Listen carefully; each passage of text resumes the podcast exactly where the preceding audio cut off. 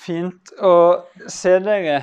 Eh, sagt jeg skal ha litt sånn bibeltime, bibelhalvtime siden sist. Har tatt skjegget. Jeg håper liksom ikke visdommen forsvant samtidig som jeg gjorde det.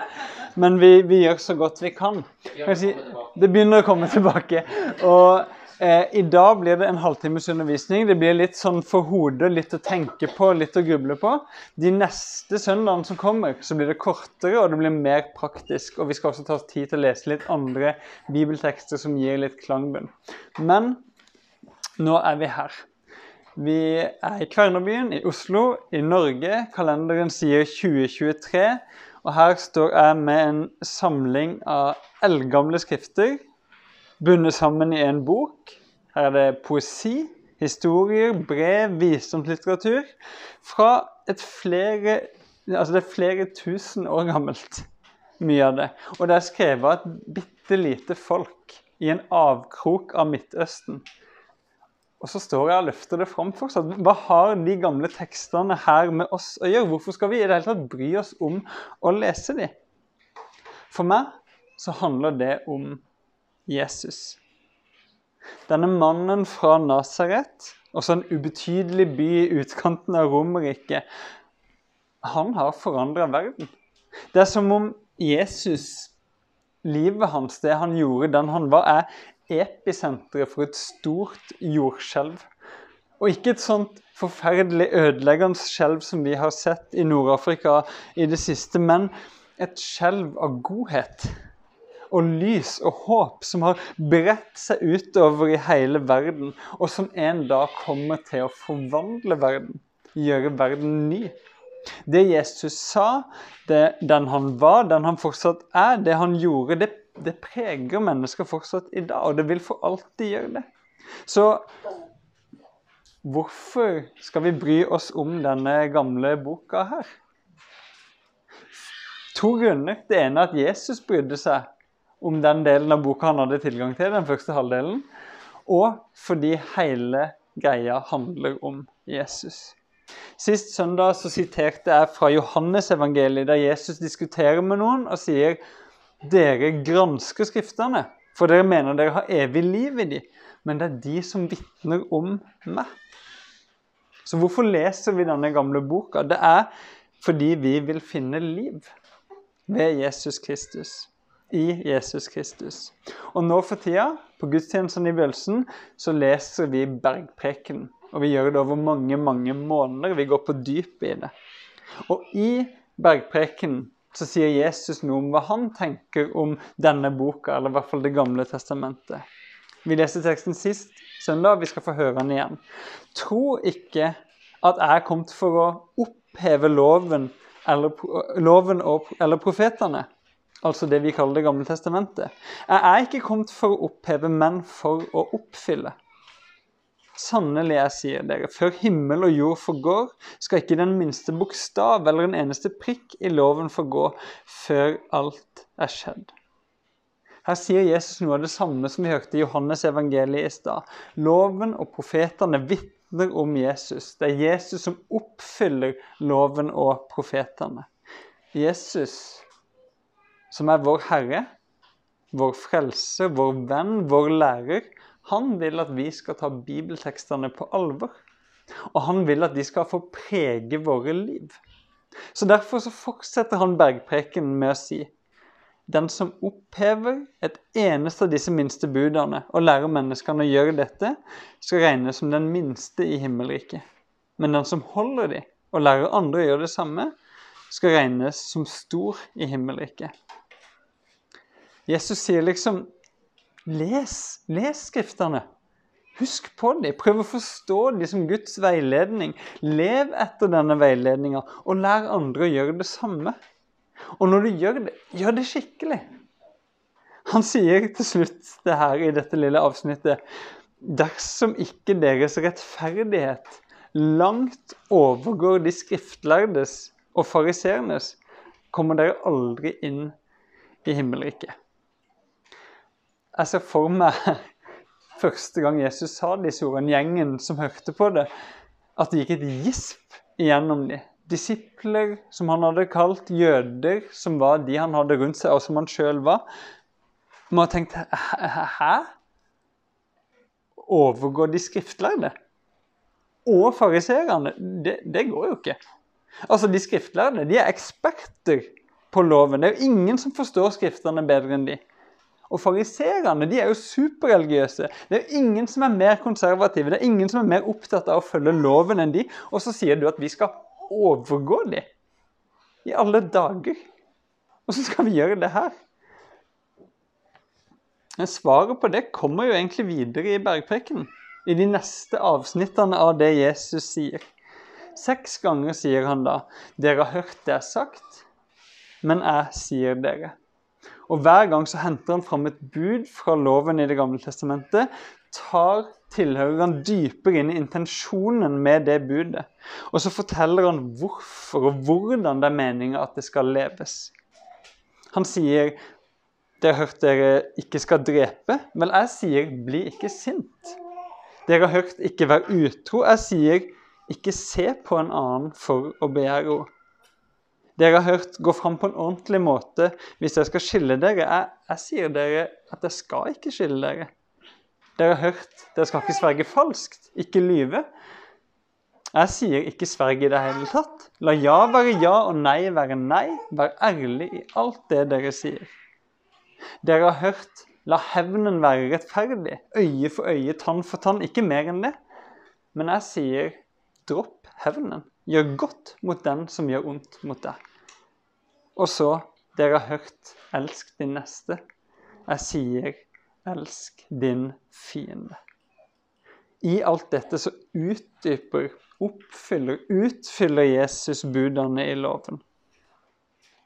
Og Noe av kjernen i det han sier i disse avsnittene som kommer, er at det gode vi gjør i det ytre, det må henge sammen med en godhet i vårt indre. Det ytre må henge sammen med det indre. Og kanskje var det det som var problemet med overprestene og de skriftlærde. Ja, de gjorde mye som var godt utvendig, men, men kanskje gjorde mange av, det, mange av de det av feil grunn. Kanskje med feil motivasjon. Kanskje uten kjærlighet. Uansett Jesus ville ikke at gjengen som satt og hørte på, skulle ha de skriftlærde eller fariserene som forbilder. Og jeg tror ikke at han vil at vi, at dere, skal ha en pastor som deres største forbilde. Eller en kristen influenser eller en eller annen helgen dere oppdaga i kirkehistorien. Nei, Jesus ber oss sikte høyere. Etter han kommer med denne utdypinga av loven, disse seks eksemplene, så bare kommer han med punchlinen hver da fullkomne, slik deres himmelske Far er fullkommen. Da runder vi av der, eller? Vær fullkomne, slik deres himmelske Far er fullkommen. Altså, vi er skapt i Guds bilde. Det er jo Han vi skal ligne på. Vær fullkomne, slik deres himmelske Far er fullkommen. Hva, hva tenker du når du hører den utfordringa? Blir du motløs? Eller litt gira? Jeg håper vi kan bli litt gira. Jeg oppdaga en spennende podkast mens jeg jobba med Bergpreken det siste året, som heter Ole Martin og Einar leser Bibelen. Noen som kjenner til den? Det er to agnosti, en agnostisk og en ateistisk filosof som leser seg gjennom hele Bibelen og snakker sammen om det i en podkast. Kjempespennende. Skal jeg innrømme at jeg bare hørte episoden om Bergpreken, men den var kjempespennende. Eh, og de ble så begeistra da de leste Bergpreken. Og det var spesielt disse høye idealene til Jesus som de filosofene likte. For, for de sa at det er så mange i vår tid som lar oss være tilfreds. Bare stå på stedet hvil. Og du er god nok som du er. Det er ikke noe behov for å endre seg. Og så kommer vi ingen vei. Men her møter de Jesus, og de sier det er som han er et lokomotiv som drar vognene framover. Vi er et tog sammen, og vi som hører på, får lov til å være vogner. Og Det er ikke sånn at Jesus står stille på stasjonen og sier ja, ja, det er fint her. En fin perrong. Kan vi ikke bare her, være her vi er?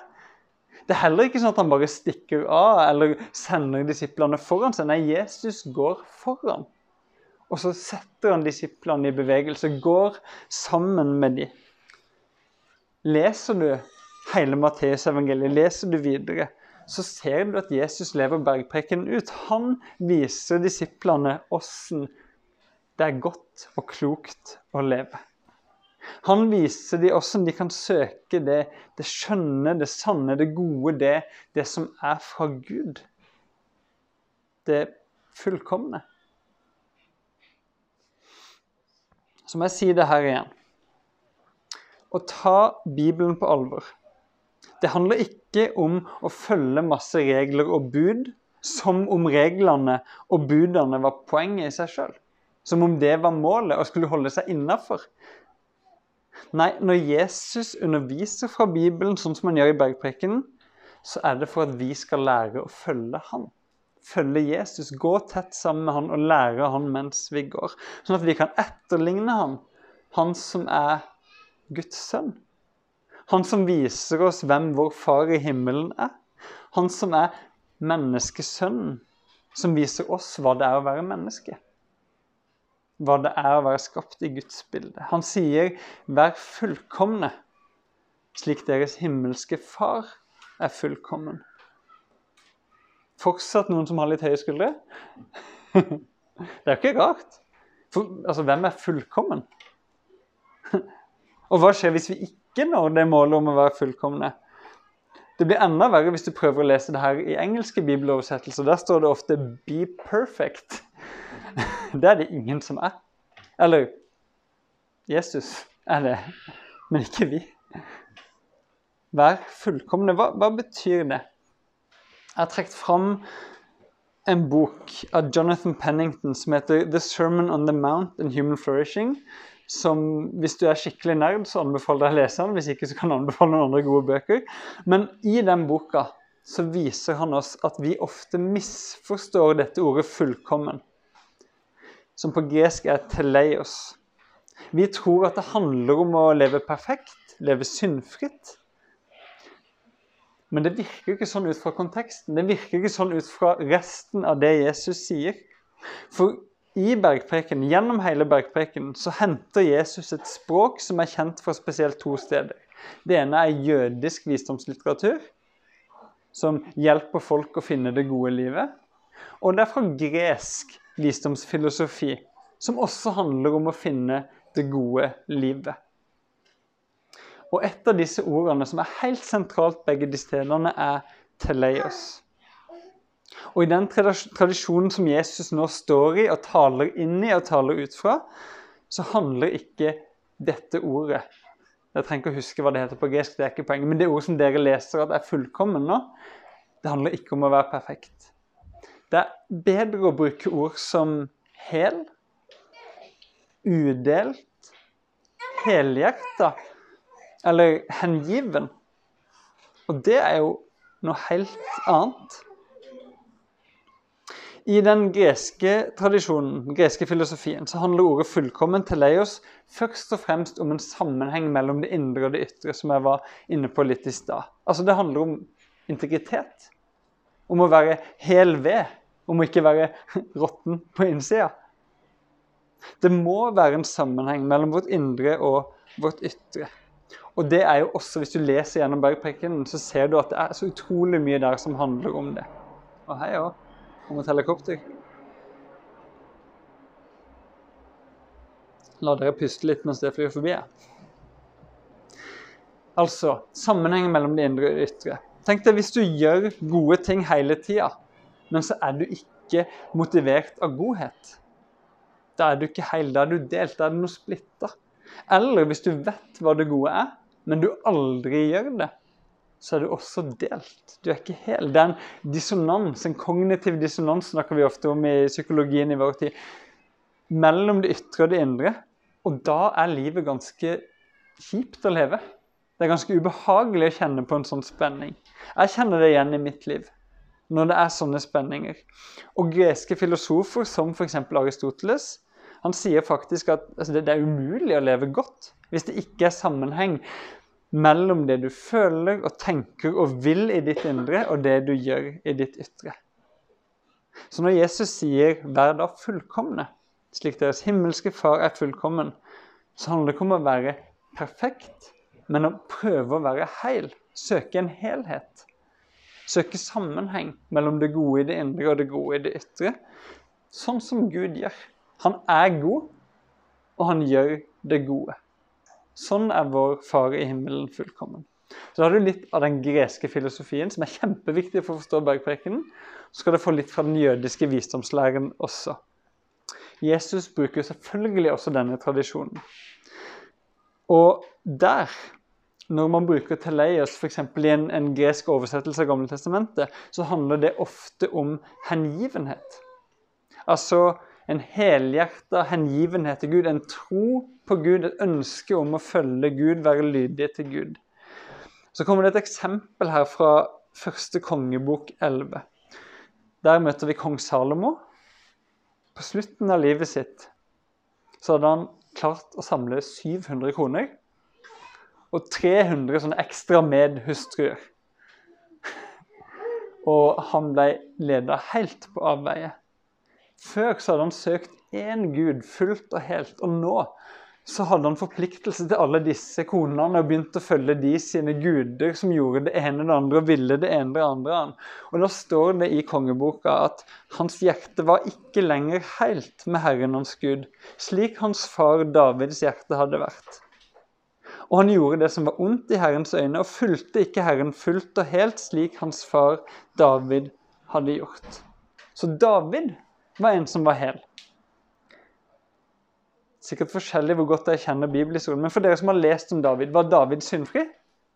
Nei. Var David perfekt? Han gjorde helt forferdelige ting. Altså, Han hadde jo mista jobben sin i regjeringa med en gang hvis dette hadde skjedd i dag. Men han var helhjerta i sin hengivenhet til Gud. Han ba på sine knær om tilgivelse for sine synder. Og Hvis du kjenner at du er et sted i livet nå der det er et eller annet som bare rører seg, du vet at du gjør noe som ikke er godt, eller at du gjør et eller annet godt med en motivasjon av noe helt annet, så vil jeg anbefale deg å lese David sin salme nummer 51. Salme 51.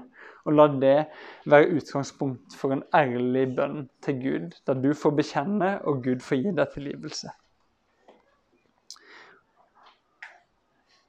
Jesus samler den greske visdomstradisjonen, som inviterer oss, utfordrer oss til å søke sammenheng mellom det indre og det ytre, være hel ved.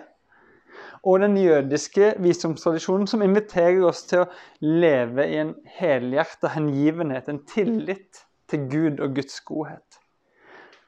Og i den grad vi gjør det, da tror jeg vi er salige som Jesus starter hele bergpreken med. Salig, salig. Jeg tror, jeg tror, det er veien til lykke, til det gode liv. Når vi stoler på Guds godhet og lever godt både i det ytre og det indre. Henger dere med? Går det bra? Bra, for vi skal grave enda dypere. La oss se nærmere på denne setninga her. Jesus sier dersom ikke deres rettferdighet langt overgår de skriftlærdes og fariseernes, kommer dere aldri inn i himmelriket. Oi. Hvis du har vokst opp i en luthersk eller protestantisk sammenheng, som de fleste her har, uavhengig av om vi har vokst opp innenfor eller utenfor kirka, så kjenner vi at her er det noe som skurrer. Vår rettferdighet, det vi gjør, skal det bestemme om vi får komme inn i himmelriket eller ikke? Er det ikke Guds rettferdighet vi trenger? Den som kommer utenfra? Ved nåde? Snakker ikke Paulus om det her, da?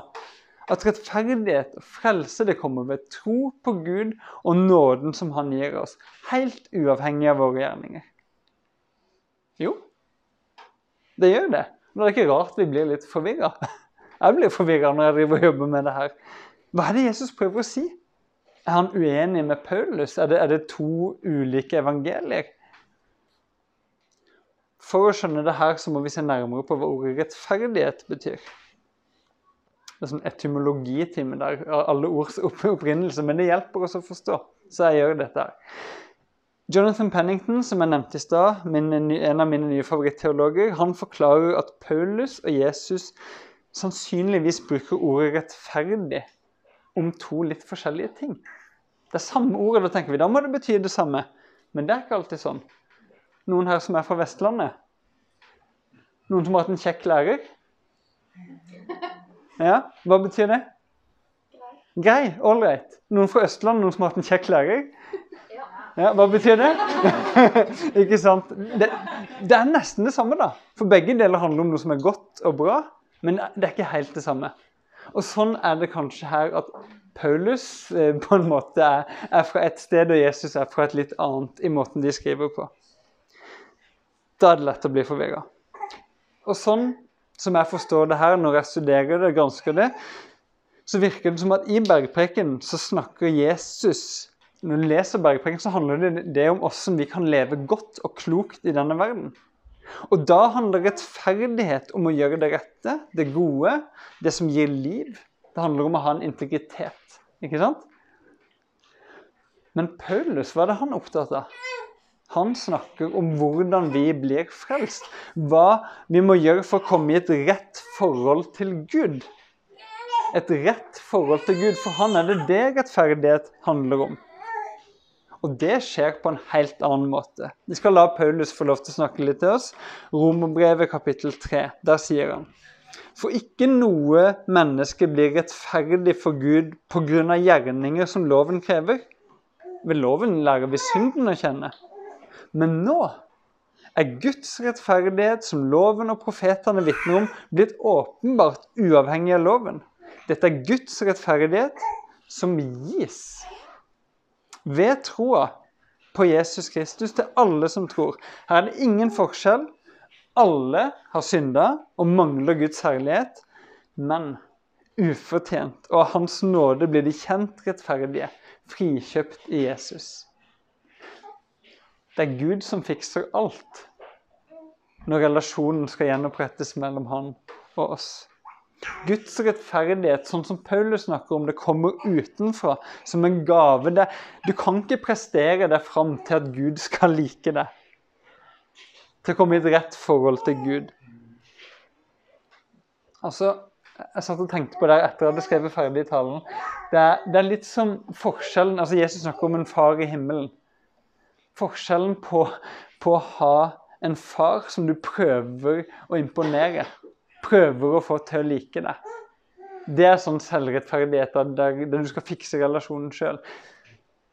Paulus sier det er ikke sånn. Gud elsker deg allerede. Og når Jesus da også bruker far i himmelen som utgangspunkt, så tenker jeg at det Jesus viser oss, er jo en far som allerede elsker oss og som er så god, og så får vi erfare Guds godhet. Og så blir vi inspirert av Guds godhet. Så vil, sånn har jeg også lyst til å være. Sånn som pappaen min er, så raus og nådig han er mot andre. Det vil jeg strekke meg etter. Ikke fordi at jeg skal imponere han, eller at han skal like meg bedre, men fordi jeg ser at det er godt. Vær fullkomne, slik far er fullkommen. Skjønner dere forskjellen? Det er enorm forskjell på å prøve å, å fortjene en relasjon og å leve ut fra den relasjonen. Så ja, det er nåde. Bare nåde. Matteusevangeliet begynner i nåde, slutter i nåde. Men den nåden, eller ikke men, og den nåden, den setter oss fri til å leve gode liv. Den som er elska, kan elske videre. Og Paulus skriver også om det. Jeg leser igjen noe av det jeg leste forrige søndag, fra Efeserbrevet 2. Paulus sier av nåde er dere frelst ved tro. Det er ikke deres eget verk, men Guds gave. Det hviler ikke på gjerninger for at ingen skal skryte av seg sjøl, for vi er Hans verk. Altså, det, det, er Gud som har gjort det. Vi er Hans verk, skapt i Kristus Jesus til gode gjerninger. Som Gud på forhånd har lagt ferdige for at vi skal vandre inn i dem. Så vi er satt fri til å gjøre det gode. Så jeg tenker Det henger så utrolig godt sammen, egentlig, det Jesus snakker om, og det Paulus snakker om. Og i bergprekenen som vi går nøye gjennom nå, hva er det Jesus gjør der? Jeg tror han hjelper meg og deg å få øye på disse gode gjerningene som Gud har lagt foran oss, for at vi skal vandre i dem. Jeg tror at når vi lytter nøye til bergpreken, leser det igjen og igjen, grubler på det, tenker over det, leser om det, lytter til undervisning om det, så, så lærer vi oss å gjenkjenne det gode. det som gir liv. Sånn at vi også får lyst til å gjøre det. Henger dere fortsatt med? Vi fortsetter å grave. Vi tar denne setninga en gang til fra bergprekenen, sånn at dere kan falle av hvis dere har klart å henge med. Dersom ikke deres rettferdighet langt overgår de skriftlærde og fariseernes, kommer dere aldri inn i himmelriket. Hva betyr det? Står det ikke her likevel, da, selv om jeg har sagt noe annet, at frelse det er avhengig av det gode vi gjør, vår rettferdighet. At veien til himmelen er åpen for den som lever rett og godt, og gjerne på en helt ekstraordinær måte. Bedre enn ekspertene, bedre enn de mest konservative. Ikke nødvendigvis. For legg merke til det her. Jesus sier ikke at dersom deres rettferdighet ikke langt overgår de skriftlærdes og fariseernes, kommer dere aldri inn i himmelen når dere dør. Nei, han sier dersom deres rettferdighet ikke langt overgår de skriftlærdes og fariseernes, kommer dere aldri inn i himmelriket. Og himmelriket i Matteus evangeliet, hva er det? Rett før bergprekenen, Matteus kapittel 4, så står det at Jesus begynner å forkynne. Vend om, for himmelriket er kommet nær. Det er her. Nå. Og i Matteus 8, rett etter bergprekenen, så ser vi noe av det som skjer når himmelriket kommer nær. For da går Jesus, Guds sønn altså Her hjelper den engelske oversettelsen hos oss, der det heter 'Kingdom of God'. Her er kongen. Han er kommet nær, og han helbreder syke. Han stiller stormer, han driver ut demoner, setter folk fri. Han spiser sammen med tollere og syndere, med de som ingen andre ville ha noe med å gjøre. Når himmelriket er kommet nær, da skjer Guds vilje på jorda sånn som i himmelen. Som vi også ber om i vår far, som er henta fra bergpreken. Ikke sant? Jesus vil ha folk med på det som skjer. Han sier 'følg meg'. Han sier 'vend om'. Kom hit. Himmelriket er kommet nær. Og da kan vi jo ikke drive med å holde masse regler for å være flinke kristne. En sånn type rettferdighet, en selvrettferdighet, at vi skal imponere Gud. Nei, nei, nei. nei. Da må vi se hva som skjer. Vi må se Guds kjærlighet, og vi må la oss bevege av den. Vi må la oss bevege av det som nå er i bevegelse, der Jesus er. Vi må la oss beveges av Guds kjærlighet og barmhjertighet og nåde som bryter inn i vår virkelighet. Bli med på festen, da! Bli med en del av det som skjer når Jesus får være konge. Vend om. Kom hit, for himmelriket er kommet nær.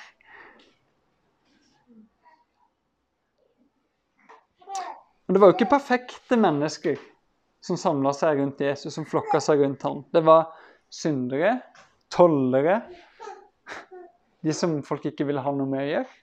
Mens fariserene og de skriftlærde, hva gjorde de, sånn som vi leser om de evangeliene? De aller fleste, eller i hvert fall veldig mange av de valgte lenge å stille seg på utsida. Se på det her barmhjertighetsgreiene til Jesus med, med mistenksomhet. Himmelriket er nær. Og hvem er himmelriket for? Er det for de som har ting på stell? Nei. Hvordan starter Jesus bergpreken? Salige er de fattige i ånden, for himmelriket er deres. Himmelriket er ikke for de som har klart å skjerpe seg. Himmelriket er ikke for de som tror de har alt på stell. Nei, himmelriket er for de som erkjenner, sånn som David i Salme 51, at de er helt avhengige av Gud, av hans hjelp, av hans nåde. De som er så fattige i sin ånd at de ber om å få Gud sin ånd i stedet. Og vet du hva? De får det. De får det. For salige, sier Jesus, er de som hungrer og tørster etter rettferdigheten, for de skal mettes. Himmelriket er kommet nær. Himmelriket er fortsatt nær, for Jesus lever. Og Jesus han oppfyller både loven og profetene. En av disse profetene, Esekiel, han fikk lov til å gi denne her beskjeden fra Gud til israelsfolket en del hundre år tidligere. Han sa, 'Jeg gir dere et nytt hjerte, og en ny ånd gir jeg inni dere.' 'Jeg tar steinhjertet ut av kroppen deres, så gir jeg dere et kjøtthjerte i stedet.' 'Jeg gir min ånd i dere.' Og gjør at dere følger forskriftene mine, holder lovene mine og lever etter de. Så kommer vi inn i Matteusevangeliet, der bergprekenen står. Og der kommer døperen Johannes, som på en måte blir den siste av de gamle profetene. Som var før Jesu tid. Han sier, 'Jeg døper dere med vann til omvendelse'. Men han som kommer etter meg, han skal døpe dere med hellig ånd og ild. Nytt hjerte. En ny ånd. Guds ånd som driver oss til å gjøre det gode, til å møte vår neste med kjærlighet, barmhjertighet og nåde. Her er vi. Du og jeg. Og så sant vi tror på Jesus, så er vi også fylt av Ånden. Og ved det så får vi tilgivelse for synderne. Og vi har også fått Den hellige ånds gave. Nå stokker ordene mine seg litt. Vi har fått Ånden, vi har fått tilgivelse, vi har fått Den hellige ånds gave. Og når vi nå leser Bergpreken, så gjør vi det ikke for å skjerpe oss, men vi gjør det for å finne visdom til livet. Til det livet Jesus har satt oss fri til. Og da er det et slags sånn samarbeidsprosjekt. Vi kjenner jo vi er ikke perfekte. Men det er et samarbeidsprosjekt vi får lov til å ha med Gud, der Gud har hovedrollen. Han har allerede frelst oss, og nå ved Ånden så kan han forme oss og lede oss og fornye oss, sånn at vi kan ligne mer og mer på Jesus. Sånn at vi kan finne glede i å gjøre det gode. Det som er etter Guds vilje, sånn at vi mer og mer helhjerta lever for Han. Siste ord fra Paulus før vi lander. I Filippobrevet 2 så skriver han Arbeid på deres egen frelse med respekt og ærefrykt. For det er Gud som er virksom i dere, så dere både vil og gjør det som er etter Guds gode vilje. Når vi jobber, og Gud jobber i oss, og han har hovedrollen, så kan det vokse fram en større og større sammenheng mellom det indre og det ytre. At vi både vil det gode og gjør det. Og i den grad det skjer, så finner vi det gode liv. Det livet som Jesus har frelst oss til, det som vi skal få lov til å leve allerede nå. Og min bønn, Jeg vil be en bønn for oss om at det skal få lov til å skje mer, før vi synger en bønn om det sammen. Eh, Gode himmelske Far, takk for at du elsker hver eneste av oss noe helt vanvittig, og at du elsker hvert eneste menneske på jorda. Vi ber om at livene våre må få lov til å være prega av den kjærligheten du har til oss. Vi ber om at vi skal få lov til å hvile trygt i nåden, i at du kaller oss dine barn, og at vi skal få lov til å vokse i godhet. Og få kjenne mer og mer at det er en sammenheng mellom det som skjer i vårt indre og det ytre. At vi både vil det gode, og at vi gjør det. Inspirere inspirer oss med din godhet til det, og hjelp oss å få visdom når vi leser Bergprekenen i tida som kommer.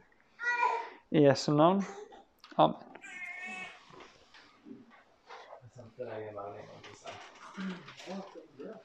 Så det